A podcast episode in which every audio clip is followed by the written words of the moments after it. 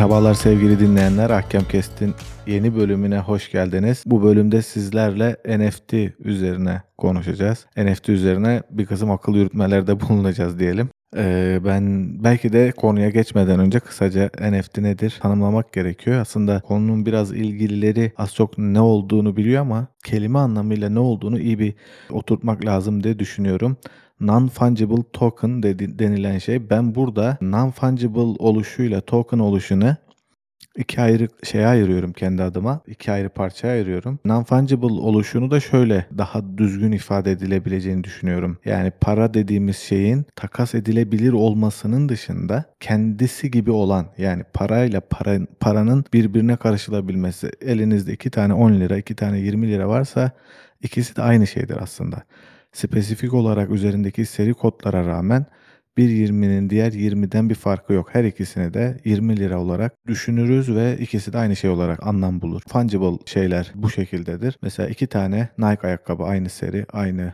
numarada Nike ayakkabı.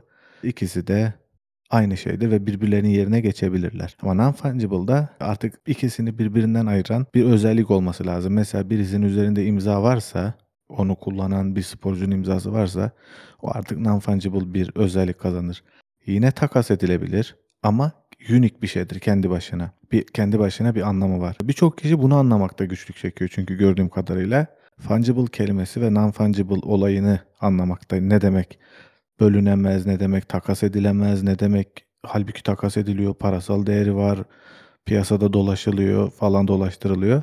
Bir, burayı tam kavrayamıyorlar gibi geliyor bana bazen insanların. Bir ikinci olarak token kısmı. Evet bu bunlar internet üzerinde özellikle blockchain teknolojisiyle peer-to-peer geliştirilen blockchain teknolojisiyle bir non-fungible özellik kazanan ses, görüntü, yazı yani elektronik ürünler bunlar ve parasal değerleri var.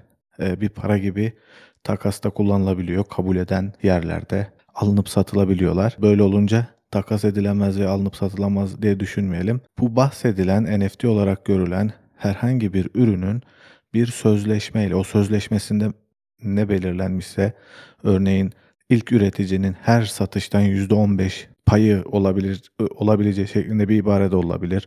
Hiç payı olmayacak şekilde ibare de olabilir. Veya her sözleşmede ilk üreticinin ismi de geçirilecek gibi bir ibare de olabilir. Neyse o e, o şekilde bir sözleşme hazırlanır daha sonra ses, görüntü, yazı, neyse o elektronik ürün o sözleşmenin önüne eklenir ve böylece bir NFT oluşturulur.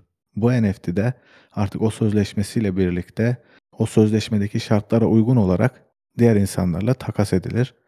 Ee, böylece uniklik kazanmış olur. Örneğin aynı ses dosyasından 20 tane vardır ama her birinin sözleşmesinde ayrı maddeler olur. Her biri artık unik ürünler, şeyler haline gelir ve dolaşımda da farklı farklı fiyatlara, farklı farklı e, işlevselliğe sahip olurlar diyebiliriz diyeyim. E, ve sana söz vereyim abi. Sence NFT ne veya senin bu konu hakkındaki düşüncen ne diye?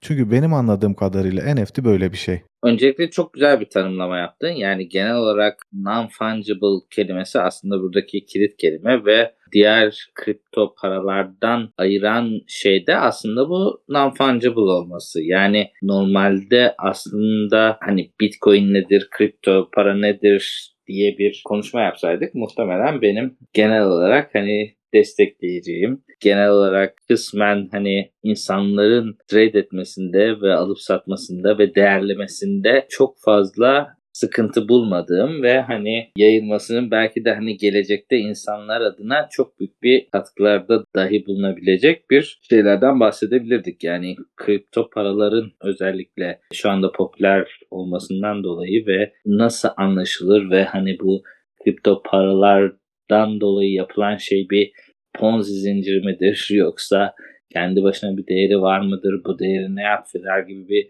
konuşma yapsaydık. Burada aslında NFT'lerden çok daha farklı bir konuşma yapardık ve çok daha farklı görüşlerim olurdu. Yani ben kişisel olarak kripto paraların genel olarak destekliyorum ve geleceği olduğunu ve kendisine atfedilen değeri kısmen taşıdığını düşünüyorum. Burada tabii çok önemli başka etmenler var. Yani şu anda burada konulara girmeyeceğiz. Belki ayrı bir Bitcoin konusu yaparız ama hani bu harcanan enerjiden ve hani bu tip şeylerden dolayı bari critical görüşlere katılsam da genel olarak konsept olarak ve işlevsellik olarak Bitcoin'i ve Bitcoin özelinde kripto paraları genelde e, destekliyorum ve hani gönüllülük esasına da kısmen dayandığı için de çok Ponzi şeması gibi görmüyorum. Ama işte NFT'lerde bu durum biraz farklılaşıyor. Çünkü bahsettiğin o non-fungibility kısmına eklenen değeri çok algılamakta biraz güçlük çekiyorum. Yani tamam Bitcoin bir tane olduğunda ve hepsi e, eşit değerde olduğunda ve hani bir para gibi bir fonksiyon ürettiğinde bunun fonksiyonunu da içeriğini de anlayabiliyorum. Ama bir Bitcoin'e spesifik sen böyle özel bir Bitcoin'sin deyip ona bir değer atfetmesinin arkasında yatan rasyoneliteyi ve bu rasyonelite sonucunda belki de hani değerini kat be kat diğer mesela eşit bitcoinlere göre kat be kat arttıran bu rasyoneliteyi açıkçası biraz dolandırıcılık olarak görüyorum. Evet burada ben belki biraz hani karşıt görüşü savun, savunayım. Onlar ne söylüyor diyeyim daha doğrusu. Buradaki bu söylediğin şey e, özellikle non-fungibility sanat dünyası içerisinde gerçi onu birazdan konuşacağız ama çok fazla anlamı olan bir şey. Şöyle bir örnek üzerinden hareket edebiliriz. Air Jordan'lar var. Binlerce ve Air Jordan herkesin satın alabilmek istediği ve aslında alabildiği de yani ortalama bir gelir düzeyine sahip toplumlardaki her her ferdin neredeyse alabildiği bir ayakkabı. Diyelim ki şu anda burada mesela Air Jordan'lar tabii ki çok çok pahalı olanları var. Özel on, onlar da yine non-fungible olmalarından bir parça. Ona getireceğim zaten. Ama genelde 90-100 paraya diyeyim. Nerede yaşanıyorsa oranın para birimi neyse o paralara alınabilen. Ama eğer bir Air Jordan örneğin e, bir tasarımcının elinde ekstra birkaç imza, ekstra birkaç yeni dokunuşa sahipse değeri 3000-5000'e kadar çıkabiliyor. Ve hatta doğrudan doğruya Michael Jordan'ın muhtemelen önemli bir maçta giydiği ayakkabı, ayakkabı o halde aç, açık arttırmaya çıkarsa o maçta giydi diye açık arttırmaya çıkarsa muhtemelen milyona yakın bir para ödeniyordur veya ödemiştir. Bilemiyorum bu tarz bir olay hemen örnek olarak e, aklıma gelmedi ama o maçta giydiği forma, o maçta giydiği ayakkabı işte non-fungible olan kısmı bu. O maç yani o ayakkabının arkasındaki değişmeyen, takas edilemeyen şey o maçta olması. Ayakkabının Ama orada kendisi... işte elinde bir tane fiziksel ayakkabı var. Yani kavrayamadığım kısım o. Yani orada fiziksel Jordan'ın o maçta giymiş olduğu, o maçta ilgili başka bir ayakkabı yok. Yani Jordan geriye dönüp kendisi tekrar bir ayakkabı üretemez. O anı yaşayan başka bir ayakkabı üretmesi mümkün değil. Mümkün olmadığı için öyle bir maçın tekrar oluşması mümkün değil. Tekrar bu oluşması mümkün olmadığı için bunun fiyatının sonsuza kadar gitmesinde hiçbir sakınca görmüyorum. Yani ben orada mesela o gün o maçta olmuşsam veya işte o maç belki de benim e, sevindiğim ilk maç. Ben çok küçük bir çocukmuşum. Sevindiğim ilk maç oymuş ve o maçla yani Jordan'ı tanımışım falan. Hani öyle bir şey olmuşum. Sonradan da dolar milyarderi olmuşum. Gitmişim o ayakkabıyı almışım. Tamam? Yani bu açıdan yani ben onun değerlemesiyle ilgili hiçbir sıkıntı görmüyorum. Ama NFT konseptinde elimizde öyle kopyalanamaz bir ürün yok. Yani tekrardan üretilemeyecek, tekrardan bir şekilde yapılamayacak bir ürün yok. Bu söylediğine katılıyorum ama buradaki farkı oluşturan o tekrardan üretilememeyi oluşturan şey aslında dijitallik. Şöyle bir örnek vereyim. 1, mil, 1,5 milyon mu 1.6 milyon dolara Jack Dorsey attığı ilk tweet'i sattı NFT'leyip. Hı hı. İlk tek tweet. O tweet'in tekrar kopyalanması mümkün değil. Ama o tweet'i o tweet'e ait sahipliğine ilişkin bir şey yok. İlk bahsettiğimiz örnekte o ayakkabı senin elinde. Jordan'ın ayakkabısı senin elinde. Ona sadece sen sahipsin. Sadece istediğin kişilere gösterebilirsin ve tamamıyla bir mülkiyetin var. Ve mesela o o ayakkabıyı böyle müze gibi bir yere koyup başına bilet kessen Sadece onun üstünden gelir de elde edebilirsin. Yani sınırsız bir şekilde mülkiyeti ve işletme hakkı sana ait. Diğer bu NFT dediğimizde hiçbir şekilde ne copyright sana ait ne ondan bir gelir elde edebilirsin ne yani başkasına satmadığın müddetçe Hı hı. hiçbir şekilde bir gelir elde edemiyorsun. Jack Dorsey de o gün kafası bozuldu, sildi veya işte e, şu anda Twitter CEO'luğundan ayrıldı. Yeni CEO artık ben Jack account'unu kapattım dedi. O account kapandı. Senin sahip olduğun tweet gitmiş oluyor. Yani Şimdi onun bir örneği var. Bu söylediğinin bir örneği var. Türkiye'de oluyor bu gene. Nusret diye bir hesap var. Bilemiyorum bu ilgili kimseyle ilişkili mi ama öyle bir hesap var. Bu hesap NFT'liyor tweetlerini. 4000-5000 e, dolar civarı bir paraya satıyor ve daha sonra hesap patlıyor. Bir şekilde bloklanıyor mu hesap? Bir şekilde engelleniyor mu? Ve o tweetler de kayboluyor. Buraya kadar doğru. Bu arada bu arada bu satılıyor kısmına da ikna olmuş değilim. Yani burada hani ikna olmamamın asıl sebebi de şu. Hani bunları kim alıyor? Yani nasıl bir pazar dönüyor? Alıcılar şeyde e, belli siteler var. Orada alıcılar belli, transaction'lar da belli. Ama mesela Nusret'ten alan kişinin gene Nusret olma ihtimali var. Yani Var. çünkü Nusret'in alıcısı Aynen öyle. çok bellidir ama Jack Dorsey'in ve Elon Musk'ın tweetlerini alan ve dahası aslında bu olayın esas Beadle diye e, bir sanatçının 60 milyon dolara mı ne açık arttırmayla sattığı JPEG dosyaları var. Ve JPEG dosyaları derken aslında yıllarca biriktirdiği kendi çizimlerini bir büyük JPEG haline getirdi ve bunu sattı. Bu kısma geleceğim zaten. Burası çok Hı hı. spesifik. Ee, ama senin söylediğin, senin eleştirilerini bir parça açarak gelmek istiyorum. Şöyle ki, bir- bu arada senin söylediğin şeylere e, katılmıyor değilim ama karşı görüşleri de ifade etme Hı hı. adına. Tabii tabii. Bir- diyorlar ki, deniyor ki, şimdi Bu arada burada ben de e, biraz e, hani düşündüğümden daha ekstrem bir pozisyonu savunuyorum. Yani yoksa hani gerçekteki fikri tabii tabii e, evet. biraz hani bırakınız yapsınlar, e, bırakınız geçsinler. Yani insanların hani eğer gönüllü bir transactional durumu varsa bunu hani yapması çok itirazım olmadığı bir nokta ama hani e, burada bırakınız yapsınlar bırakınız geçsinler derken de hani insanlar da hani satın aldıkları şeyin de bir içeriğine baksınlar yani Evet evet. sadece fiyatı bu diye ve hani eski transaction'lar bu diye de e, lalesi olanlarına para yatırmanın da çok anlamı yok. Evet. Şimdi burada şimdi bir resim dosyası düşünelim. Bu resim dosyasını hani az önceki Air Jordan örneğiyle ta- değiştirelim.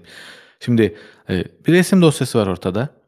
E, bu resim dosyasını ilk yapan kişi o anda yaptığı anda imzaladı ve bir kontrat ekleyip buna dedi ki işte bu bugün işte 10, e, 20 Aralık 2021 tarihinde saat 20.00'da yapılmıştır. Bu resmin her satışından bana %10 e, pay verilmelidir falan işte e, alacak kişinin mutlaka bu resmi işte sadece SSD'nin içinde barındırması gerekir. Şurada olma falan filan bir sürü şeyi sıraladı. Şimdi o resim dosyası o haliyle o bahsettiğimiz Air Jordan'dan maddi olarak bir ayrımı var. Çünkü dijital olarak birebir aynısı ve hangisinin asıl olduğunu bilemeyeceğimiz bir üretime e, üre- üretime maruz kalabilir. Yani aynısından bir tane kopyaladığından asıl o- kopyaladığın zaman hangisi asıl hangisi kopya onu onu bilmek çok zor. Yani aslında teknolojik olarak mümkün. Kopyalanan hangisi olduğunu tespit etmek mümkün. Ama bu çok çok böyle zor bir iş veya çok fazla önemsenmeyen bir, önemsenmeyen bir iş. Gördüğün anda ayıramıyorsun ikisini. Hı hı. O ilk anda ayıramıyorsun. E, dijital olması bunu buna neden oluyor. İşte bu noktada, tam bu noktada senin eleştirilerine birebir katılıyorum diyorum ki yani ikisi de aynı ürün. Birisini diğerinden ayıran ne? Deniyor ki birisini diğerinden ayıran arkasındaki sözleşme ve ne demek yani?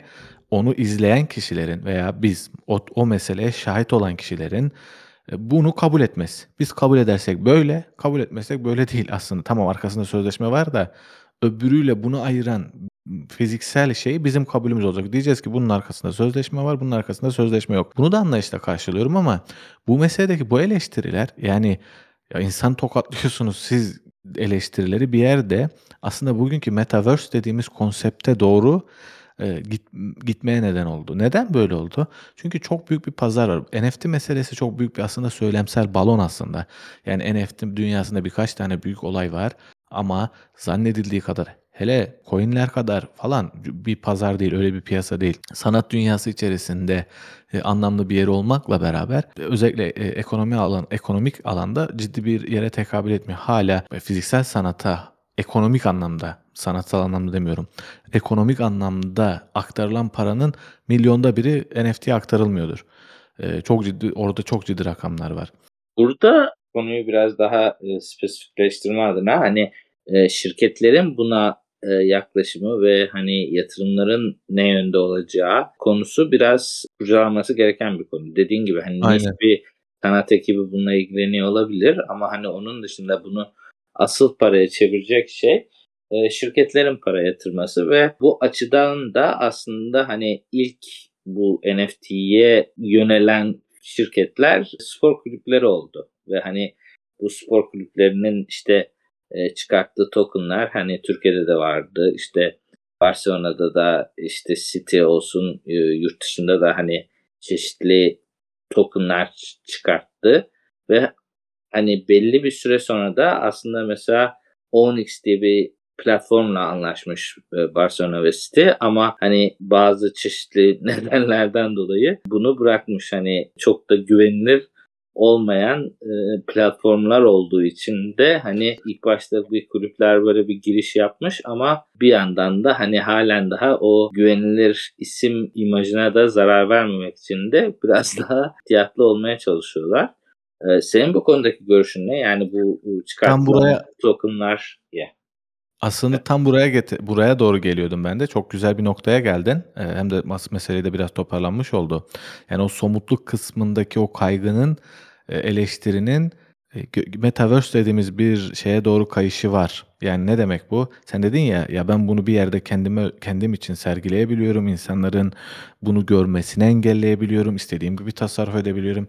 Edebiliyorum. Yani Air Jordan'ın bir maçta giydiği bir ayakkabıyı alıp sadece benim görebileceğim bir yere saklayabiliyorum ama diğerini bir sürü kopyaları olabilir falan. İşte metaverse dediğimiz konsept bugünkü bilgisayar oyunlarında vesaire de e, bir parçasını görebileceğimiz bunu sağlama amaçlı bir şey. Yani sadece bir kimsenin kendi VR gözlüğüne yüklenebilecek bir dosya üzerinden e, veya onun istediği o platformlarda, onun izin verebileceği platformlarda veya kimseler tarafından görebileceği şekilde göster göstermez gösterilebilmesi planlanan e, şeyler var. Buraya girmeyelim. Yani bu metaverse kısmı daha büyük bir balon veya söylem olduğu için girmeyelim ama gelelim senin söylediğin şey ki ben de oraya getirmek istiyordum. Asıl eleştiri bu değil ama. Asıl eleştiri ekonomik yönden. Nedir ekonomik yönden olan eleştiri? Bugün Elon Musk'ın özellikle bir nevi bayraktarlığını yaptığı bir şey var. Vergi ve verginin takip edilmesi meselesinde e, ki tartışmalar var. Yani bundan coinler aracılığıyla, blockchain teknoloji teknolojisi aracı- aracılığıyla ve e, desentralize e, üretimler aracılığıyla kaçıldığı düşünülüyor. İnsanlar coin alıyor. Bu coinlerle bunları e, cüzdanlarında tutuyorlar. Yine NFT'leri de cüzdanlarında tutuyorlar. E, onun asıl sahibinin kim olduğu belli değil çünkü sözleşme tamamen o cüzdanın bir şekilde bir pa- password'la cüzdana ulaşabilen kişinindir. Yani e, e, resmi alım satımlarda olduğu gibi bir kimlik koduyla değil, bir sanal ID üzerinden yapılıyor e, transaction'lar. Böyle olunca devletler bunu takip edemiyor. Bunun sahibi kim diye.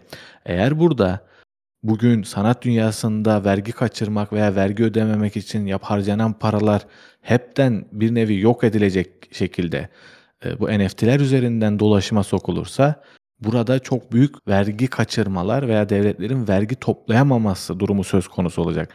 İşte şu anda bu işlere girişen özellikle resmi kurumların ilk muhatap oldukları sorun ve ilk muhtemelen karşılaşacakları soruşturma da burada oluyor. Güvenlik problemi olarak görülen şey de benim gördüğüm kadarıyla birinci aşamada bu. Çünkü örneğin Barcelona bu tarz yerlerden gelir elde ediyor diyelim. Şimdi Barcelona'nın bir cüzdanı var. Ama bu cüzdanın Barcelona'nın cüzdanı olduğunun resmi bir delili yok. Yani Barcelona bunu evet ve vergi bildiriminde bu da bizim gelirimiz diyebilir ama istemese de, demeyebilir. Ha, istemese istemese çünkü orada kimse ispat edemez bu cüzdanın Barcelona'ya ait olduğunu. Veya diyelim ki bu Beatle'ın şey, şey e, re- o resmi alan kişi cüzdanında duruyor. 60 milyon dolar değerinde bir resim var cüzdanında. Ama o cüzdanın sahibinin kim olduğu belli değil. Şimdi bunun gibi diyelim ki 6 milyar dolarlık bir NFT cüzdanı düşünelim oluşmuş. Adam 6 milyar dolar harcamış. Daha sonra bunu takas da edebiliyor üstelik. Yani satışa da çıkarabiliyor gelire döndür gelire çevirmek veya nakit paraya çevirmek için. İsterse yapabilir bunu. Ama vergisini ödeyem ödemiyor. Burada vergi konusu dışında da aslında hani bahsettiğin hani bazı illegal transaction'ların da geçirilmesi için bir ortam sağlıyor. Bu Kesinlikle öyle. Yani daha doğrusu il illegal kelimesi çok doğru ve tabii illegalliğin aaa, yanında ne? Devletin takip edemediği. Devlet takip edemiyor. Yok. Sonuçta mesela ben ben senin NFT'ni aldım. Eee, $40.000 verdim. Ama o $40.000 karşılığında sen bana başka bir hizmet, başka bir illegal hizmet veriyor olabilirsin. Aynen öyle. karşılığında Aynen öyle. diyorsun ki ben sana ben ben ona NFT sattım. Hani vergisini ödese bile hani eee, gün geldi tamam dedi ben NFT gelirlerimden de vergi ediyorum. Mesela çünkü onu saklamanın da çok gereği yok. Eee, eğer hani bir şekilde gerçekten gelir kazanıyorsan hani onu bir şekilde vergileyip aklayıp hayata sokmak çok daha insanların işine gelecek bir şey. Hani tamam diyorsun ben eee, bunu eee, NFT karşılığı aldım. Eee, bir sanal bir şey oluşturmuş oluyor. Bu çok mantıklı ve bu aslında şeye de gidiyor şu an tekrar aklıma geldi. Hani bu Twitch skandallarına da kısmen gidebilen bir şey yani Twitch'te de benzer bir durum var. Hani insanlar satın almak istedik daha doğrusu bir şekilde aklamak istedikleri paraları bu şekilde Twitch yayıncıları üstünden eee, akladıkları gibi çeşitli şeyler vardı, konseptler vardı. Hani onun da bir dalı olmuş olabilir. Aynen öyle. Bir de buradaki esas olay tam en başa sarıyoruz. Esas olay şu: token olması. Yani $40.000'dan bahsettik değil mi? $4.000.000 olsun, $4.000.000.000 olsun. Bir şeye, bir token'a a ateşledin bu parayı. O kağıtlar veya o bankadaki görünen numaranın yerine elinde gene $4.000.000.000'lık bir şey var. Ve o şeyin sana ait olduğunu kimse ispat edemiyor. Dahası bunun bir para gibi eee, senin elinde bulunması, hani para bulununca o eğer, eee, kaynağı belli değilse gayrimeşru ya ama o NFT'nin senin elinde bulunan o NFT'nin kaynağının ne olduğu çünkü blockchain teknolojisine sahip olduğundan dolayı ne olduğunu zaten tespit edemez. Ayrıca şu bugünkü hukuk sistemi içerisinde ya bunun kaynağı nedir? Sen bunu nasıl elde ettin diye kimse sana soramaz. Elde ettim. Bu benim cüzdanımda. Anlatabildim mi? Burada sıkıntı var. Yani bir senin, eee, banka hesabında rakam olarak cash parayı görmüyorsun ama, eee, zaten onun da bir önemi yok. Kağıt nihayetinde bu. Eee, rakam olarak diyelim ki $4.000.000.000 olduğu zaman ban de devlet sana şunu sorabiliyor. Bunun kaynağı ne diyor? Çünkü $4.000.000.000 görüyorum burada. Bunun bir kaynağını sorma hakkı var bende. Çünkü bu parayı gördüysem senin bunu kazanmış olacağın bir kaynak olmalı ama senin cüzdanındaki göremez ama diyelim ki gördü bir şekilde $4.000.000.000 piyasa değeri olduğu düşünülen ama olmayabilir bir token var ve bu değiş tokuş edilebiliyor ama devlet bunun kaynağı ne, bu senin cüzdanına nereden girdi diyemiyor. Sen bile üretmiş olabilirsin onu. Ben üret ama piyasada $4.000.000.000 Evet, çok beğeniliyor çünkü. Daha satmadım. Böyle olunca işte bütün olay kilitleniyor. Bu bu kısımda kilitleniyor. Diğer tarafta bunu silah olarak kullanıyor. Yani kendi aramızda biz diyor, şöyle basitçe söyleyeyim, bugünkü bugünkü bence benim görüşüm bu tamamen. Meta, eee, politikanın ayrımları ulusçular, ulus devletçilerle globalistler, global kurumcular ya, bu işte Elon Musk'ların, Jack Dorsey'lerin bu mining üzerine, Bitcoin üzerine, söylem üretenlerin blockchain teknolojisi üzerine çok ciddi bir ekonomik varlıkla beraber oluşturduğu 3'üncü bir alan var. O da desentrali desentralizeciler diyeyim. Eee, apolitik gözüken en sert politikler diyeyim. Bu insanlar çok ciddi bir paraya sahipler. Ne kadar olduğunu kimse bilmiyor. Kendi aralarında çok büyük bir komüniteler. Sürekli var olan diğer komünitelerden çok daha fazla, çok daha hızlı bir şekilde büyüyorlar. Her yerdeler, her şeyi işgal ediyorlar ve kendi aralarında bir değiş tokuş anlayışları var. Devletin takip edemediği. Şimdi böyle olunca, bu şekilde olunca her şey açık hâle geliyor. Yani illegal olmaz olmaktan olması bir yana senin dediğin gibi büyük dolandırıcılıklara veya asıl satılan şeyin ki az önce söylediğim de bu zaten. Adam örneğin fuhuş satıyor, başka bir şey satıyor. Tabii kastettiğim illegal olan. Yani işte Uzak Doğu'da, Güney Asya'da yapılanlar gibi diyeyim en azından. O şekil şeyler satıyor ama bu bunun karşılığında token veriyor. E, bu bu bu şekilde de ve ve şöyle söylüyor, diyor ki ben bu token'ımı sattım. Eee, burada devlet bunun, ııı, ya sen bunu bu paraya satamazsın diyemiyor çünkü satılıyor bu paralara. Böyle bir de değeri var piyasada. Yani devlet çıkıp ya sen bu telefona bu kadar veremezsin, bunun arkasında, eee, bu bir iş var diyebilir ama bu, eee, token'ın arkasında bir iş var diyemez. Çünkü satılıyor. Bir sürü örneği var. E, böyle olunca iş hakikaten senin dediğin gibi, eee, garip soru işaretlerine de açık hale geliyor o anlamda. Ya, bu desentralizasyon olayı aslında çok uzun bir hikaye. Yani, eee, bu globalleşmenin başlamasıyla aslında gelen ve, hani hani, bazılarımızın bir dönem için büyük bir, hayallerini süsleyen bir, ııı, dönem aslında. Ama bu bunun normalde gerçek hayatta çok fazla geçirilemediği biraz açık. Yani şu anda, eee, dünyamız globalleşmeye doğru gitmiyor ya da, işte, orada gibi bir serbest ticaretin yaygın olduğu gibi bir duruma gitmiyor. Tam tersi, eee, devletlerin büyüyüp daha fazla alan kapladığı bir yere gidiyor. Bu dünyada aslında, hani, bahsettiğin senaryo çok, ııı, mantıklı ve doğru bir senaryo ama, hani, ben burada bahsi geçen o büyük şirketlerin desentralizasyona ne kadar destek olup ne kadar destek olmak isteyeceklerinden birazcık şüpheliyim. Yani burada şunu belirteyim, hemen benim kastettiğim 3'üncü yol. Zaten onu özellikle vurguladım. Eee, burada şöyle daha net ifade edebilirim. Donald Trump, Bill Gates, Elon Musk. Donald Trump devletçi ve iç piyasadaki parayı, eee, iç piyasada tutmak isteyen ve, eee, aslında, eee, Amerikan iç piyasasında paranın ve yatırımın dolaşması gerektiğini düşünen birisi. Buradan kâr eden, buradaki kâr eden kurumların daha fazla kâr etmesini ya da şirketlerin isteyen birisi. Bu nevlet bu nedenle ulus devletçi. Eee, Bill Gates ise globalist, küreselci. Çünkü küresel piyasalarda dönüşen para dolaşan para üzerinden kâr elde ediyor ve daha fazla devletleri ve ulusüstü kurumları küresel piyasalarda işlem yapmaya ve işlem zorlamaya yönelik politikalar destekleyen birisi. Bu da küreselci dediğimiz kesim. Ama bir de 3'üncü bir yol var. Elon Musk ve Jack Dorsey'le dediğim. Küreselcilerle de kavgalı hem de ciddi anlamda Birleşmiş Milletler'le, Birleşmiş Milletler Gıda, eee, Programı'yla tartışması gibi örnekler verilebilir. Ulus devletlerle de. Mesela Elon Musk'ın bu bu ayrımda Bill Gates, Trump ayrımındaki yerine mesela Elon Musk der ki, eee, aşı meselesinde, ben der bilimden yanayım. Aşı kesinlikle çok mükemmel bir çözüm, çok iyi bir çözüm ve elimizdeki tek çözüm. Bu nedenle ben aşı oldum ve, eee, aşı aşı destekçisiyim. Ama devletlerin bunu bunun için baskı yapmasının karşısındayım. Trump ne diyor? Aşı karşıtıyım. Bill Gates ne diyor? İnsanları keselim aşı olmuyorlarsa. Yani basitçe, hani, çok basitçe anlatabildim mi?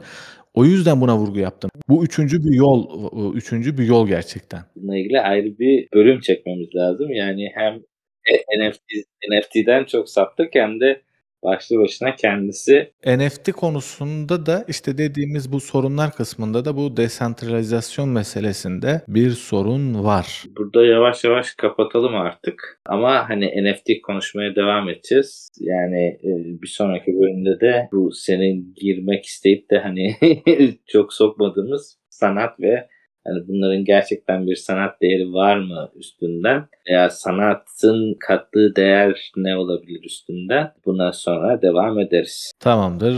Dinlediğiniz için teşekkür ederiz. Bir sonraki bölümde görüşmek üzere efendim. Görüşmek üzere.